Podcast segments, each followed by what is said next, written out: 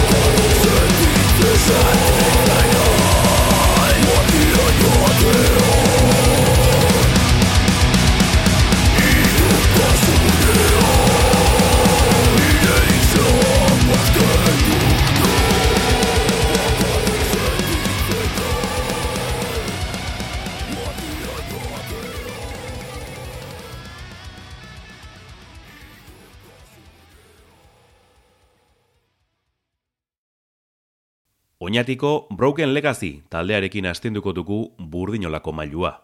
Muturreko metalaren eta jarkorearen arteko oreka aproposa topatu dute hortzi muga bigarren diskoarekin.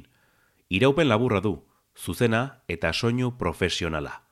Ez ezaguna abestiarekin hasi dugu programa.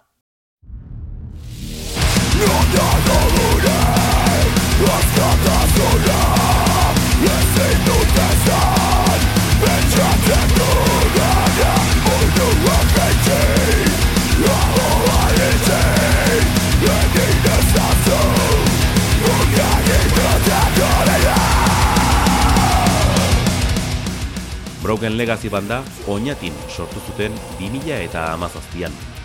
Laukote gisa hasi baziren ere, gutxira, boskote bihurtu eta elkartu ziren urtearen bukaeran igo ziren taula gainera. Oñatiko Hangover Metal Fest jaialdian jo eta banda ospotu zuten metalcore doinuekin. 2000 eta emeretzian, emeretzi lehen diskoa grabatu zuten legazpiko subeltza estudioan eta zuzenean aurkezteko aukera izan zuten pandemia iritsi zen arte. Laukote eta boskote moduan ibili ondoren, seikote izatera pasa ziren eta horrela grabatu zuten hortzi muga bigarren diskoa. Aitor Atxa abesgariak gonbidatu dugu burdinolara.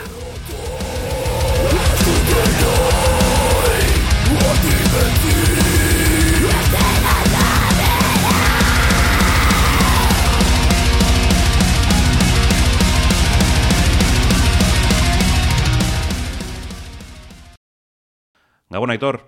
Gabon, Inaxio. Martxoa bukaeran kaleratu zenuten hortzi mugadiskoa eta dagoeneko zuzenean aurkezteko hainbat aukera izan dituzue. Oroar, nolakoa izan da lanaren harrera?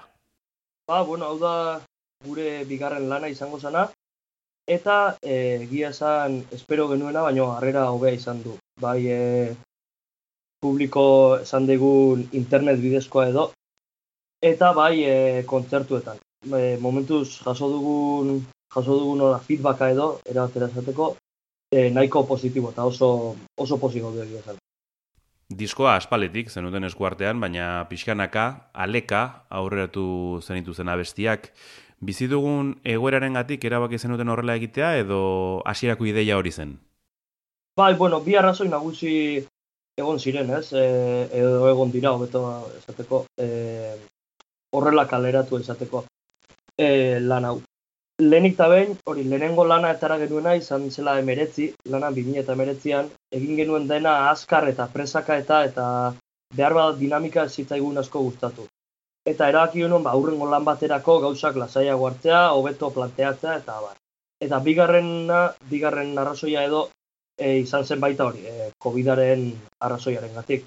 Ez, ez genuen zentzu ondirik ikusten, on, oraindikan e, gu ez gara oso aldekoak edo para kontzertu eman izan genituen e, hori jasarrita zegoen jendearen aurrean, baina ez gara horren oso gustokoak eta beraz esan genuen ba Puskat aleka joango gara esan duzun bezala e, botatzen kantuak, bi bai bi bideoklipekin eta abar eta e, lasai egingo ditu gozak eta Puskat egoera hobera egiten duenean, ba orduantxe jasiko gara gure bilan. Egia esan pandemiak e, gauza asko aldatu ditu edo eta pertsona asko alor asko eta baita sektore asko e, berrasmatzera behartu ditu musika da horietako bat. Eta egia da bai zuek eta bai beste talde askok e, pandemian nolabait e, egosi duzuenak disko bat e, erabaki duzue edatzerako orduan edo aurkezerako orduan pausarekin edo pixkanaka zabaltzea ba, esan dugun bezala abestiak, bideoklip bidez, e, Bueno, izan da nahiko esanguratsua nola nola gertatu den, zeren esan bezala ez zarete bakarrak formula hau erabilitutenak, eta ez dakit e, pandemiak ere badirudi e, berrasmatzera e, eraman dituela taldeak, ez dakit adoz zauden? Bai, egia esan era adoz. E, guri, e, gure kasu partikularrean, Broken Legacy denean, e, justo pandemia hasi zen martxoren amabostan edo etxeratzea, etxeratzea gindua edo, eta e, gure meretzi lehenengo lanaren bira erdi erditi moztu zigun, e, oraindik e, kontzertu asko genituen emateko eta abar, eta, bueno, ba, e, bira, esan bezala hori, erditi moztu zen, eta pentsatu genuen, bueno, ba, beste birformulazio bat eman beharko diogu, edo, ez dakit, izan zen asper, aspermenaren edo asperduraren ondorioz, baina hasi ginen ba, gauza berria prestatzen, ez? Ba, e, urte hauetan e, pandemiak iraunduen bitartean, ba, egia esan ez dugu aktibitatea handirik eduki publikora behira, baina bai egon gara ba, formulazio berri batzuk ematen, edo publikoaren gara iristeko beste era batzuk pentsatzen, ez? Azkenean, ba, ezin duzunean zure lokalera joan, ezin duzunean e, kontzertuak eman, ba, e, beste era batzuk pentsatu behar izan behar dira, ez? Hain justu, horregatik, esan daiteke, naiz eta laizter sakondoko dugun hortzen moa diskoan, disko batetik besterako tarte horretan bertsio bat ere kaleratu izana? Bai, e, kaleratu genituen e, bi kanta, e, lehenengoa itoitzen zati txiki bat la menorren, e, mertxio metalizatua edo esan digun, eta gero beste kantu bat, izena duena gure hoi hartuna, Euskal Preso politiko eta ieslari guztiei eskenia egin genuena, ba, e, Euskal Preso politikoen e, urte hurrena izan zenean. Eta hori, ba hori, bi urtetan edo aktibidade, aktibidadea hori izan zen, gehien bat.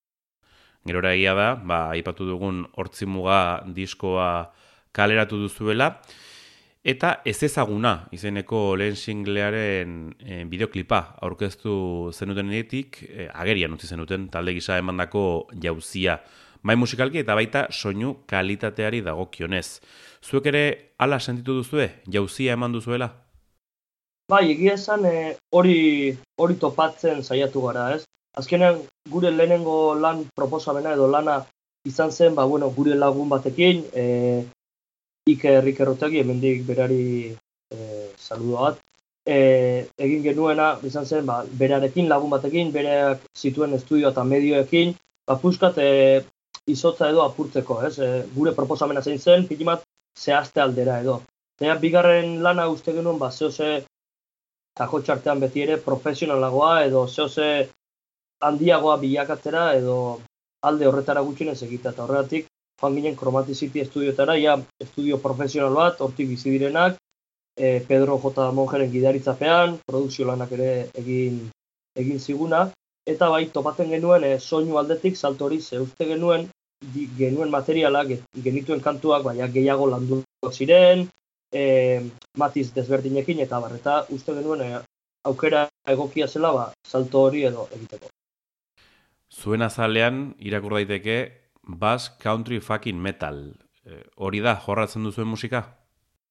Bai, ba, azkenean e, hasi ginenetik ez, e, beti jo izan ditugu bertsio desberdinak, ba, hasi ginen igual kontzertuetan, ba, Slipknoten bertsio batekin, gero e, jo genuen, ba, ez dakit anestesiaren beste bertsioa, jo izan dugu Sepultura, e, Aita Ama kantu famatua, eta e, Josi Leulina, eta abar. Eta beti kategorizatu izan gaituzte e, ba, metalcore edo doinuetan.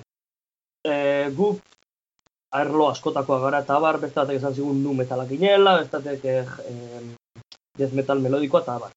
Guk azkenean egiten duguna da metala. Eta gara Euskal Herrikoak, beraz, e, titulo horrekin geratu gara. Ez baz country fucking metal, eta jata, hori gura duenak eh, hor dauka ulertzeko. Etorteko eta entzuteko nahi badu. Hain justu, belarriak fintzeko unea iritsi da eta entzun dezagun, hortzi muga diskoko beste abesti bat, hona hemen, ostoak erori dira.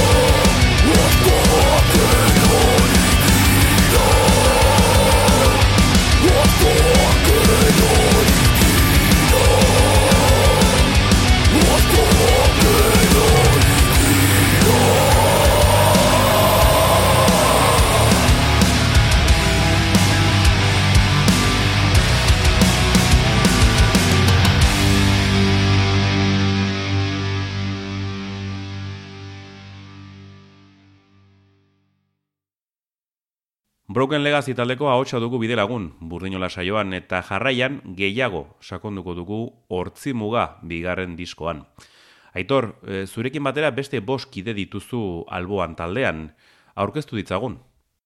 Bai, ba, bueno, taldia ziginenak edo komponente originalak esateko, erabatera esateko, e, izango dira gorka baterian, azier tapeio gitarran, eta unai basuan.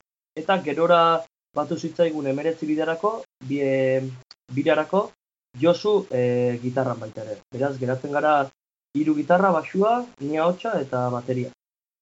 Aurreko lanarekin alderatuta e, gauza asko findu dituzuela esan daiteke. Dagoeneko aipatu dugu. Metalcore, doinuetatik aldendu gabe, zuen eraginak hobeto barneratu dituzuela ematen du eta agerikoa da, e, muturreko metalaren presentzia areagotu duzuela be, abesti berrietan. Honekin ere adoz daude? Ba, bueno, e, egia esan, eman digun jokoa da lehenengo lanetik bigarnera azkenean hiru gitarra izan ginela, gure proposamena pindu dugu e, zentu batera, non guztien aportazioak hartu ditugun hartu ditugun kontuan, gure gustoak azkenean musikalki oso oso desberdina dira egia esan, e, ez gara dado sartzen, egia, egia esan. Eta, e, ba, bueno, azkenean e, guztien aportazioak, bariatuak, eta lehenengo lanean, ba, igual, e, topatzen genuen, ba, zehose, soinu bat edo beste, eta orain egin dugu, ba, guztiok gustatzen zaigun doinu batetara, eta guztion guztoko bazen, barrura. Eta ez gara, ez dugu erreparatu, o, e, estilo batekoa zen, bestekoa edo, gue, garrantzitsuna izan da, guk guztoko izatea eta.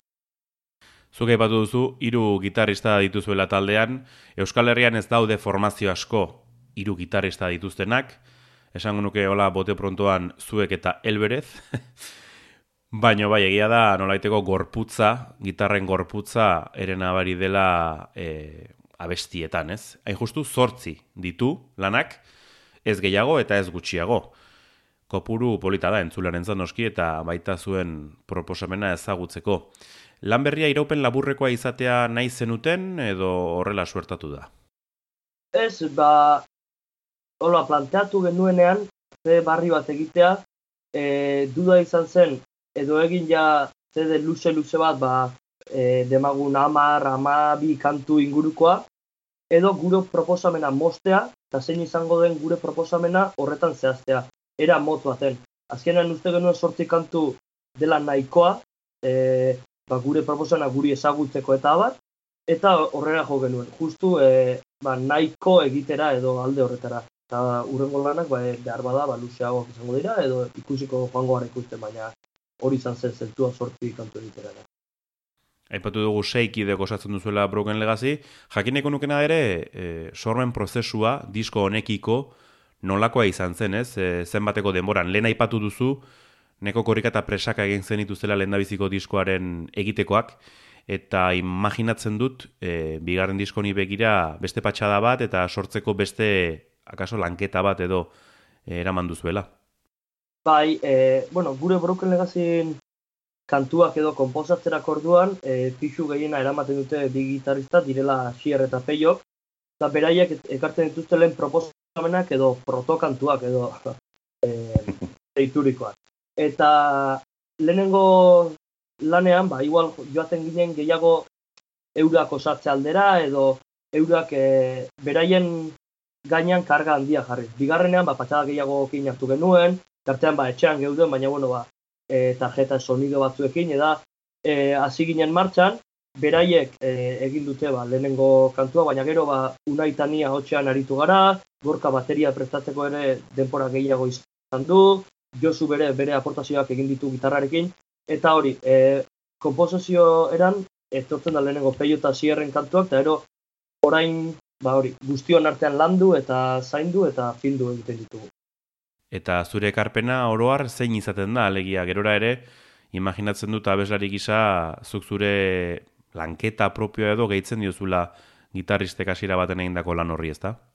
Bai, hori da. Lehenengo topatzen duguna da, eurai e, beraiek proiektua edo ekartzen dutenean, ba, nola jo, haotxaia pentsatzen eta abar, eta ero, ba, e, unaitan ere artean, geratzen gara, kantuaren gainean melodiak egiteko, gero gauza batzuk gitarran aldatu behar badira orden ez edo ba, horrela egiten dugu, baina hori, e, melodia eta unai eta nire artean egiten dugu.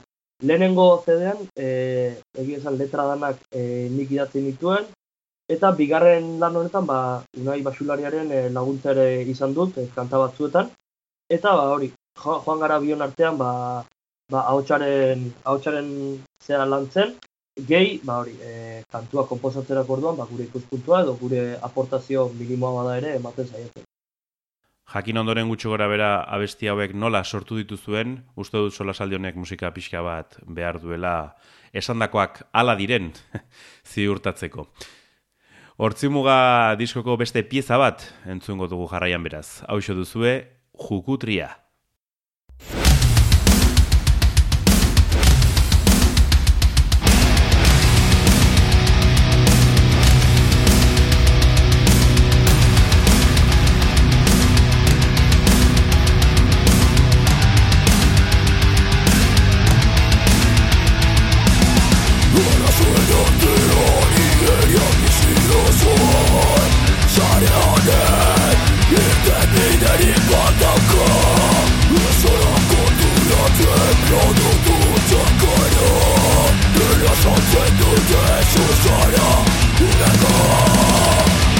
Este es el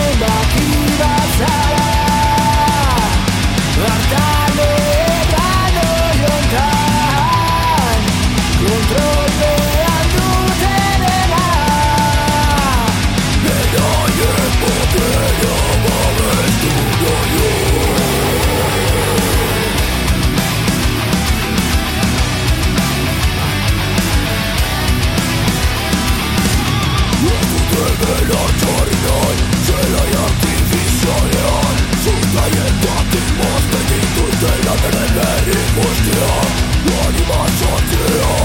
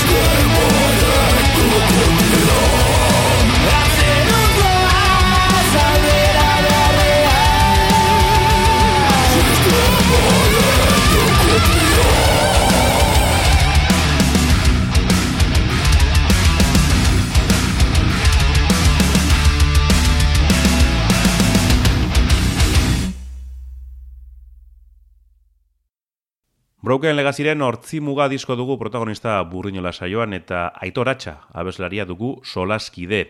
Lan berriak zortzi kantu dituela esan dugu eta horitatik iruk kolaborazioa dute. Eta okerez banago gehiago izan behar ziren, behintzat e, diskoan daudenak aipatzea eta nabarmentzea merezi du, ez da, aitor? Bai, egia esan, e, leheno eta behin aipatzeko e, entzun dugun jukutria kantuan, e, Pedro J. Mongeren, Baldemarreko talde bat taldetako gitarrista eta Chromaticity Studioetako ba, jabea eta guri CD grabatu diguna, e, egin duen lan izugarri, ez da beri eskertzea ere, e, ez du bakarrik kolaborazioa egin, baizik eta produzio lanak egin dugu, momentu oro da gure gainean aurkatzen, e, zer egin alko genuen, gu azkenean talde amateurra edo gara, eta ba, berak ba, bere ikuspuntuarekin, ba, puzkat veterania batekin, daukan kalitatearekin ere, eta akituriarekin ba, lagundu izan dugu. Eta kantu hau, ezpe zehazki, dukutria kantua, du genuen proposamen bat, zela erabat, erabat, baina erabat desberdina, hasi erabaten instrumentala eta zen gainera, eta berak izan zigun, ba, potentziala ikusten ziola kantuari, baina beste erabaten planteatuta, eta esan genio, ba, hori, nahi basuen eskua sartzeko eta e, lingua gabe eta horrela etorri zen da tita batean egin zuen kantuak ba, rifak ordenez aldatu, rifen bat gehitu, punteoa gehitu eta abar, hautsaren beste proposamen bat, proposamen berri bat eta abar, eta egia esan, ba, esan gero, joder, ba, ba aurrera, ez, be, kolaborazio brutal honekin. Eta ero besteak izan dira aldatetik lander, ukaia taldeko abeslaria, berarekin taldearekin hainbat kontzertu jo izan genituen. Emeretzi biran, eta orain tamalez ba, orain gutxi laga izan dute. Eta e, ba, laguna, laguna bezalaia, eta bueno, komentatu genion, da lehenengo momentutik e, oso prestu laguntzeko, eta bar, hor dugu bakardadea kantuan kolaboratzen du. Eta beste aldatetik, ize Paul, Drop taldeko, eta Wood Strings taldeko eta bezalaria, e, lehenengo lanean saiatu ginen berarekin kontaktatzen, e, berak kolaboratu behar zuen, baina azkenean, bueno, etzen aukera eman, eta e, bigarren lan honetarako e, komentatu, komentatu zegoen aspalditik, esan nionean hori etortzeko eta hau joartuk e, sartzeko eta e, oso oso prest, eta ziratik, eta niretako pertsonalki hori bat, zenik lehenengo pertsona ikusi duena guturalez kantatzen edo bera izan zen, berak ere, ba, mene mentorea, urtea pasada bat, eta niretarako pertsonalki placer handia, berak, berarekin abestea kanta baten. Esan bezala hiru abesti horiek kolaborazioarekin, eta justu bai, nik ere bat egiten duzurekin, Jukutriari dago kionez, benetan abesti boro bila, eta aipatu duzunagatik monje korremesteko ekarpen egin bazuen, ulertzeko ere bada lorturiko emaitza. Hain justu, monje gitaristak, eh, aipatu dugun solo eder hori eskaintzarekin batera, eta abestiari mila vuelta eman, Broken Legacy beste maila batera, eraman du soinuari dago kionez, hori dagoeneko aipatu dugu, eta eta berretxi beharko dugu ez da, ia esan, berarekin lortu duzuen soinua bai dela profesionala. Bai, egia esan bera aldo eta ero bere laguntzaia dela Aitor Ruiz, hemen ere biei e, bat, e, lan izugarri egin dut egin dut, ez? Ta leno momentutik gainera esan bezala soinuan aurrera pauso hori ez saiat ematen saiatu gara, baina bestetik ere aholkularitzan ibili dira, e, momentu oro guri lasaite, magu azkenen estudio olako estudio profesional batera sartzen ginen lehenengo aldia da, guztiok, eta, bueno, ni lehendik egon da baina beste talde batekin, baina beti saiatu dira gurekin ba hori harreman estu bat izaten eta soinua soinuan ematen den ekarpenetik gain uste dute per, pertsonalera joaz e, izugarrezko ekarpena egin dugutela. Hau bitxikeria moduan, galdera friki moduan ere har daiteke, zeren joere izan ohi da taldeek e, estudio profesional batera joaterakoan edo teknikari profesional batekin lan egiterakoan e, buruan izaten duzue lortu nahi duzuen soinu bat, ez? Eta normalean erreferentziak taldeak izan ohi dira. Beraz, e, Pedrori eta Aitorri e, zein talde edo ekoizpen e, eraman zenioten entzun zitzaten, esateko, aizue, ba, guk soinu hau nahi dugu. Bueno, eh, Chromaticity estudioetan, eh, bueno, ez da, kas, ez da kasualitatea, ez. Azkenean, hemen Euskal Herrian ditugun metalkor talde asko, e, adibidez, Rise to Fall, e, Late to Scream, orain gutxi When Evil Comes, eta hauek denak bertan grabatu, grabatu dute. Eta uste dut, Pedrok, e, ja, basuela ideia nundik, nundik zioa sentiruak, ez? E, galdetu zidanean ze talden antzera edo, ja, e, bera bazekien e, gure Euskal Herri mailan horiek zirela, ez? E, gure gure referente edo zeinen antzera edo zeinen mota behar genuen. Gero hola, e, internazionalki hitz egiteko, ba, behar bada pare bat komentatzearen, ba, em, adibidez, e, Parkway Drive, e, taldea, edo em, unear, edo horrelako estilo hori hortik jotzeko tiruak e, mm komentatu. Bitxia da, zeren jakin badakit, adibidez, When Evil Comes taldeak, as I like dying jarri ziola referentzia bezala, eta baliteke hor harturiko apunteak Pedrok zuekin ere erabili izana, ez? Bai, bai, e, gainera as I gure gitarrista zierren talde gustokoena da urrundik, eta eta uste dut eh, komentatu zutela zeo zer gainera estudioan denengo gunean. Beste taldeak aipatuta, e, zeintzu gira, e, Broken Legacy talderen eraginak. E, bueno, lehenik ni ausartuko naiz, erreferentzia edo, bueno, nabardura batzuk botatzen, ez dakit ados egongo zaren, eh? baina aipatu dugu ez, metalkor ingelesa eta estatu batu aipatuko nituzke batetik, eta bestetik, e, suediako melodez doinuak, antzematen dituzuen abestietan. Zuzen abil? Bueno, e, lehen esan bezala, taldekide bakoitzak oso gusto desberdina ditu metalaren barruan. E, justo Suediako esaten den ez, e, soinu horreri edo gustokoak, nire talde gustokoenetaikoa da The Gates, taldea The Haunted ere asko gustatzen zait, eta bat. Eta bateriak ere bat egiten du talde, talde horien gustoko, gustokoekin, e, gustoekin.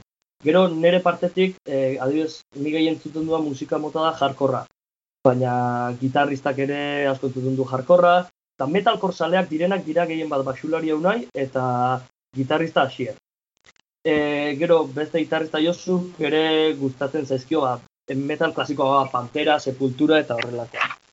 Beraz, e, bat egiten ditugun taldeak edo guztiei gustatzen zaizkigunak, hemen e, Euskal Herrian, ba, behar bada izango zen anestesia edo, adibide garbiena, eta gero, e, kanporaldera joaz, ba, behar bada trivium, edo e, azailei da inbera, edo horrelako taldea, eta eroia klasikoa, ba, pantera, eta eta Talde asko, aipatu dituzu, eta ez dakit, e, entzuleak zuen diskoa entzuterakoan horitako zenbat topatuko dituen eraginak edo dena delakoak, baina egia da, e, Broken Legacy bat eta bakarra dela, eta eta hortzi muga izeneko diskoa atera duela. Beraz, egokia litzateke bestia, ba, abesti bat entzutea, aipaturiko eragin horiek nabaritzen diren edo ez jakiteko. Hona hemen, beldurraren menpe.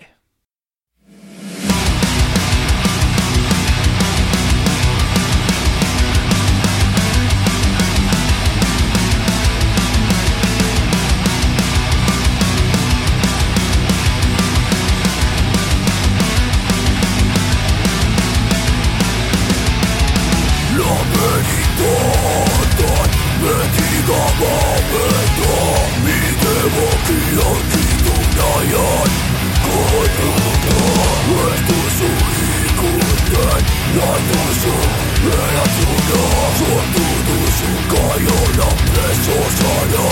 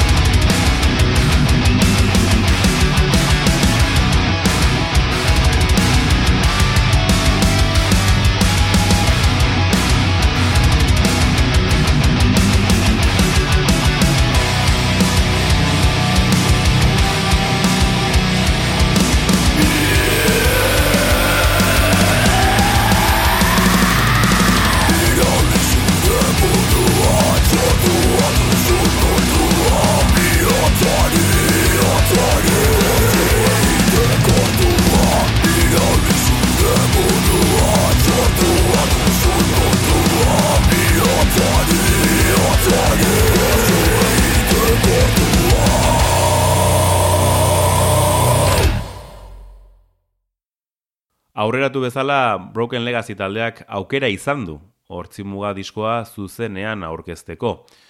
Aitor, zehazki zenbat kontzertu eman dituzue dagoeneko?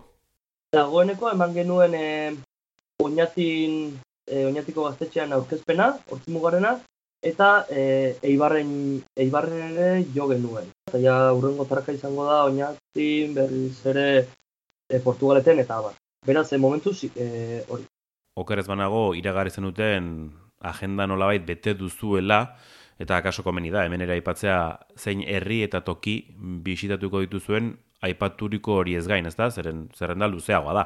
Bai, eh, azkenean bira zatitu dugu bi zatitan.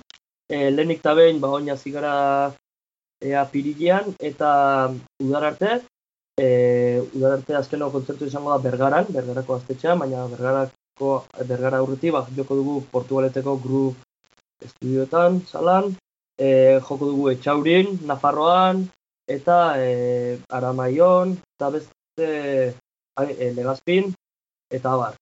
Eta lehenengo zati izango da amar edo kontzertukoa, eta ere uda ostean, etorriko da biraren bigarren zatia. Zaiatuko ara beste, ba, Euskal Herriko beste leku batzuetara e, joaten, eta e, aparte Espainiara ere irteteko asmoarekin gabiltza bigarren zati horretan. Eta dagoeneko astarite hitz egiten Espainia mailako beste talderen batzuekin, bueno, ba alako data horiek fin katzeko? Bai, e, kontaktuan gaude, ba, Madrieko talderen bat, e, Barcelonako pare bat talde, eta beraiekin kontaktuan gaude, ba, zeo zer e, posible izate aldera edo ba, e, kontaktuan jartzeko, bai. Bueno, ikusi dugu, orain arte taula konpartitu duzuen taldeak askotarikoak direla, baina denek duten nolabaiteko lotura metalarekin edo jarkorearekin. Zuk aipatu duzu oso jarkor zalea zarela eta eta ezagun da. Baina ez dakit ere hildo horretatik joko duzuen mm, ba, konpainia estilo horitako taldeek e, osatzeko taula gainean. Ba, bueno, azkenean e, da talde bat e, gu beti izan du zuzenekoa. Eta e, gure kasuan e, ez dugu topatzen, ez? Leku baten jotzea edo beste, beste leku batzuetan jotzea. E, talde askori entzun izan diot, eta e, adibidez euren ametsa dela resun jotzea bada. Gure kasua ez da, behar bada desberdin ez gure ametsa ez da horrelako ezer, guri gustatzen zaiguna ba, jendearekin gaztetxetan edo e, jotzea e, bere kutsua duelako, eta e, beraz gaztetxetan eta e, tomatu izan ditugun kontzertuak edo askotarikoak izan dira. e, bai egin ditu kontzertua bakarrik metala izango den eta horreta, horretara dedikatuak, baina baita ere ba, e, anitzagoak ez, e, beste lekuatudan ba, kontzertu anitzagoak, eta ba, beste ambiente eren batekin, ez? Guk azkenean gure proposamena ba, da beste erabateko jaialditan edo jotzea, joko dugun bezala aurrera gozta. Aipatu dugu ez, e, metala, jarkorea, eta, bueno, zuen musika aintzat hartuta eta jakinda gaur egun gazte belaunaldiek zer musika kontsumitzen duten, asko direlako ronteak noski, baina muturreko doinui dagokienez edo distortxoei dagokienez, egia da e, jarkorea gazte asko mugitzen dituela Euskal Herrian, eta jarkorekin loturiko metal doinuak ere, bai ez? E, horrek, ez dakit, e, laguntzen dizue Euskal Herrian metalkor edo metal eta jarkoren arteko musika jorratzen duzuen taldei? bueno, egia esan jautut e, metala eta jarkorrea da e, underground kulturan e, ikusten ari da berpizkunde bat edo e, e, bai guk egiten duguna da nik uste dut ola, e, gure ikuspuntutik edo ez proposamen desberdin bat. Gaur egun Euskal Herrian ikusten ditugun talde gehienak ez dakit zergatik, ez dut fenomeno hori ulertzen oraindik, egiten duten proposamena da ingelesez adibidez, ez? Eta niri hori kuriosoa pentsatzen zait. E, bai metal eta bai jarkorra, e, guri esan izan digutelako askotan, eh? Jodek, e, basea raroa zuek euskera egitea, jode, eta raroa iruditzen zaidana da, ingeles ez kantatzea, ez, euskal herriko izan da. Eta alde horretatik, ba, badugu gure publikoa, behar bada, ba, falto zegoena edo, e, zarata musika e, jartzen dioguna e, euskera egiteari. Alde horretatik gu posi gaude, badakigu tendentziak, modak edo e, beste batzu direla, ez dugu topatzen hori, ez dugu topatzen e, jende askori entzea, baizik eta jende konkretu bati non gure musika gustatzen zaion, eta bar, guk hori, da, moda berriekin da ez gaude, ez gaude ados eta ez gatoz bat, ere ez. Eta hori, guk ez dugu egiten musika ere inori gustatzeko edo baizik eta gustatzen zaion hori ondo, eta, eta aurrera. Zuk aipatu duzu, berezgarri hezkuntza izan hori da musikan oroar, eta Euskal Herrikoak izanik Euskara da berezgarria ez, hizkuntzari dagokionez. Metalcore etiketa horretan geratuko bagina, e, gutxi zarete Euskaraz abesten duzuenak gaur egun. E, irkaia izan diteke beste bat, Nafarrak, eta Broken Legacy eta besteren bat. Baino zuk aipatu duzun fenomeno oso erreala da, eta eta joera nik uste e, lotura duela gehiago ba, kanpoko taldeen eragin hori barneratzen dutelako hemengo musikari askok, eta horregatik erabakitzen dute ingeles ezabestea. Baina, ez dakit, pixkanaka talde batzuk konturatzen ari dira, e, musikagintzaren ba, laku zabal horretan e, hizkuntzak e, ematen dizula aukera desberdintzeko, ez? Eta, eta zentzu horretan agian broken legazik ere badaukan non, non borrokatu, ez? Euskaraz. Bai, klaro. E, niri egia esan e, nahiko penagarri iruditzen zaitez. Azkenean, Euskal Herriko talde, zarata taldeen bere izgarria euskera egitea izatea, ez? E, guk hasiera hasieratik brokele hasiatera genuenean, e, pentsatu genuen guztia euskera egitea, hola hitz egiten dugulako oinatiren kasuan, e, gure artean euskaraz hitz egiten du, eta ez genuen beste aukerarik edo ikusten, ez?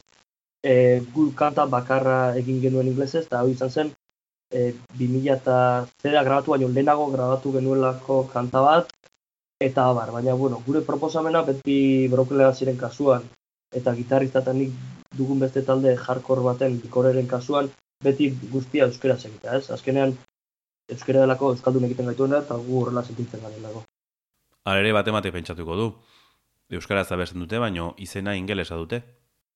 Bai, ba, hori izan zen, e, izenaren kasua bate batek e, dudan bat baldin badauka e, galdetu izan digutelako, esaten dut. E, gu jo behar genuen kontzertu bat oinaten, eta e, ilotz eta lehitu eskrita aldekin, eta pare bat aztelenago ez geneukan izenek. Ez geneukan izenek, eta joan ginen behin lokalera, ba, bakoitza proposamen batzuk ekarri behar ditu.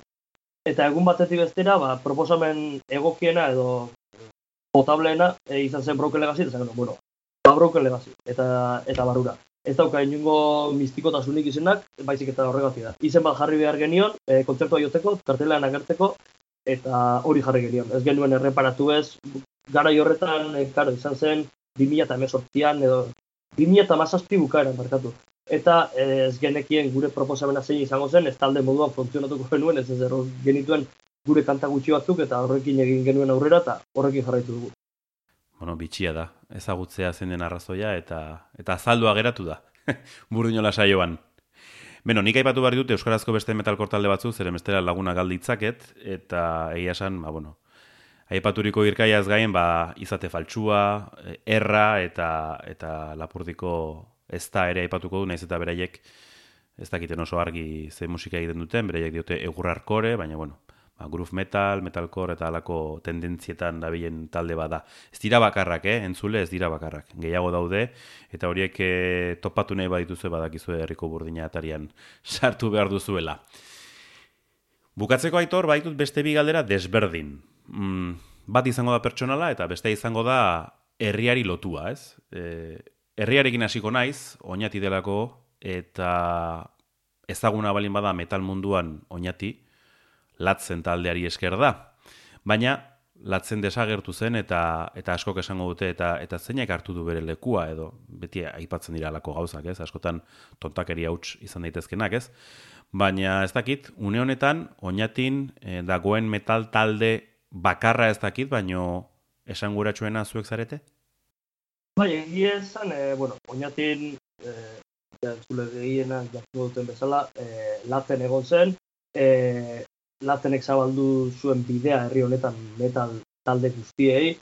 Latzen gero egon ziren beste ez dakit beraien bola edo bola hori jarraituz atera zirenak, ez hola ipatzeko, ez, e, gure influentziak, ba, asfixia, Black River, bezalakoak, eta gaur egun, ba, egoera nahiko eskastuta alde horretatik, ez, aurkitzen gara gu, Broken Legacy metala, Eta ero, e, likore, e, nire eta gitarrizaren beste taldea. Bestela hola, e, metal hardcore munduan, ez dago beste talderikan.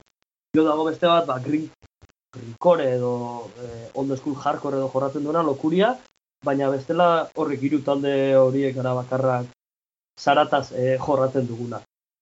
Bukatzeko galdera pertsonala, zeren aipatu duzu dagoeneko abeslari gisa etzarela soilik, Broken Legacyko abeslaria, likore taldean ere bazabiltza, baina dula gutxi arte, beste talde baten aritu zara, baina aste hontako kontua da. Lainet taldean aritu azarelako eta, eta utzi duzulako. Bai hori da, ez? E, bueno, 2000 emesortzi amaieran, e, arrasateko lainet taldean sartu nintzen, e, berarekin e, grabatu nuen, beraiekin e, Soul Crifice, beraien bigarren lana, Eta, ba, egia esan ja, orain, hasi hasi ginenean, ba, CD berria prestatzen, hirugarren CD-a, eta ikusi nuen, ba, entre lana, e, gauza pertsonalak, e, beste, bueno, beste kompromiso batzuk, eta hiru talde aurrera ematea, e, ba, oso oso zaila egiten zitzaidan, ez? Denbora aldetik.